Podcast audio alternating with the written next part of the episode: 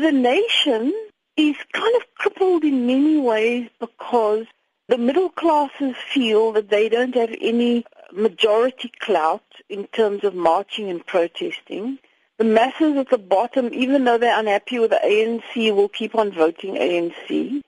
And those very people who are angry with government and who are killing foreign nationals are the very people who will support this ruling party. And so those are contradictions that we live with. And you know, during the struggle, we used to sing the song Freedom Isn't Free. and increasingly, I think when I look at the new South Africa, our freedom is very costly. It costs us a fortune to maintain the president and his many wives and his bodyguards and the alleged new 600 million rand jets he wants to buy in Nkandla. And then, you know, we go from one tipping point to the other. We had Anene Booysens, we had Andries Tatane, we have Marikana, we have the xenophobic outbreak. It doesn't stop. And in a way, we are tipping point saturated. You know, I thought after 2008 outbreak of violence against foreign nationals, it would never happen again. But the denial by Thabo Mbeki then is repeated in the denial by the ANC today. So they protect King Goodwill Zwelithini, whom I call Badwill Zwelithini, and Zuma's son. So instead of them being condemned, we as a nation are asked to understand what the king has asked for and what Zuma's son has said. I don't think we are very free. It's a very elusive freedom. Hulle praat ook van 'n kultuur van geweld wat nog steeds in Suid-Afrika heers. Die president het nou dag daarna verwys. Dink jy dit weerspieël dalk iets van hoe die samelewing voel oor vryheid in die land? Well, you know, we always said under apartheid we had structural violence. And that culture remains. We use violence to resolve violence.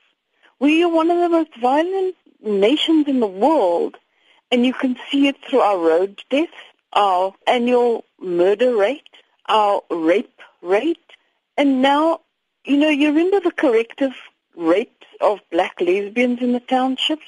Now it's just the killing of foreign nationals who are entrepreneurial. So it's very easy to talk about apartheid racism because it's easy. It's a black and white thing. But when it's xenophobia and it's black on black violence, people find all kinds of ways to describe it because it is South Africa's big shame. You know, everybody talks about it's a fight over scarce resources. It's rubbish. These people, our indigenous people, are envious of people who come into the country who have to make a living. They can't depend on government to make them survive. They have to be self-sufficient and self-reliant. So they set up small businesses and instead of us competing, we don't compete around scarce resources. We see these people as threats to our livelihood, which is actually very shameful in many ways. It also reflects on the bad education system that we have. And I think where the ANC has palpably failed is to create a culture of social cohesion amongst South Africans. No one is proud of this democracy. No one. I can tell you that.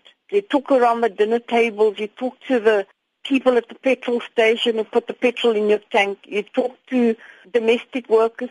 People are unhappy and they feel unsafe and they feel the country is off the rails and it's unnecessary because the ANC has all the power it ever wanted and it's squandering it. It's squandering the goodwill of its citizens. And if we ignore the anger and the high unemployment rates and the high murder rates and the fact that delivery is slow, we will regret it because we're sitting on a powder keg. En ek moet vir hierdie vraag vra. Veral as 'n jong mens in Suid-Afrika wat nooit deel was in die geveg teen apartheid nie.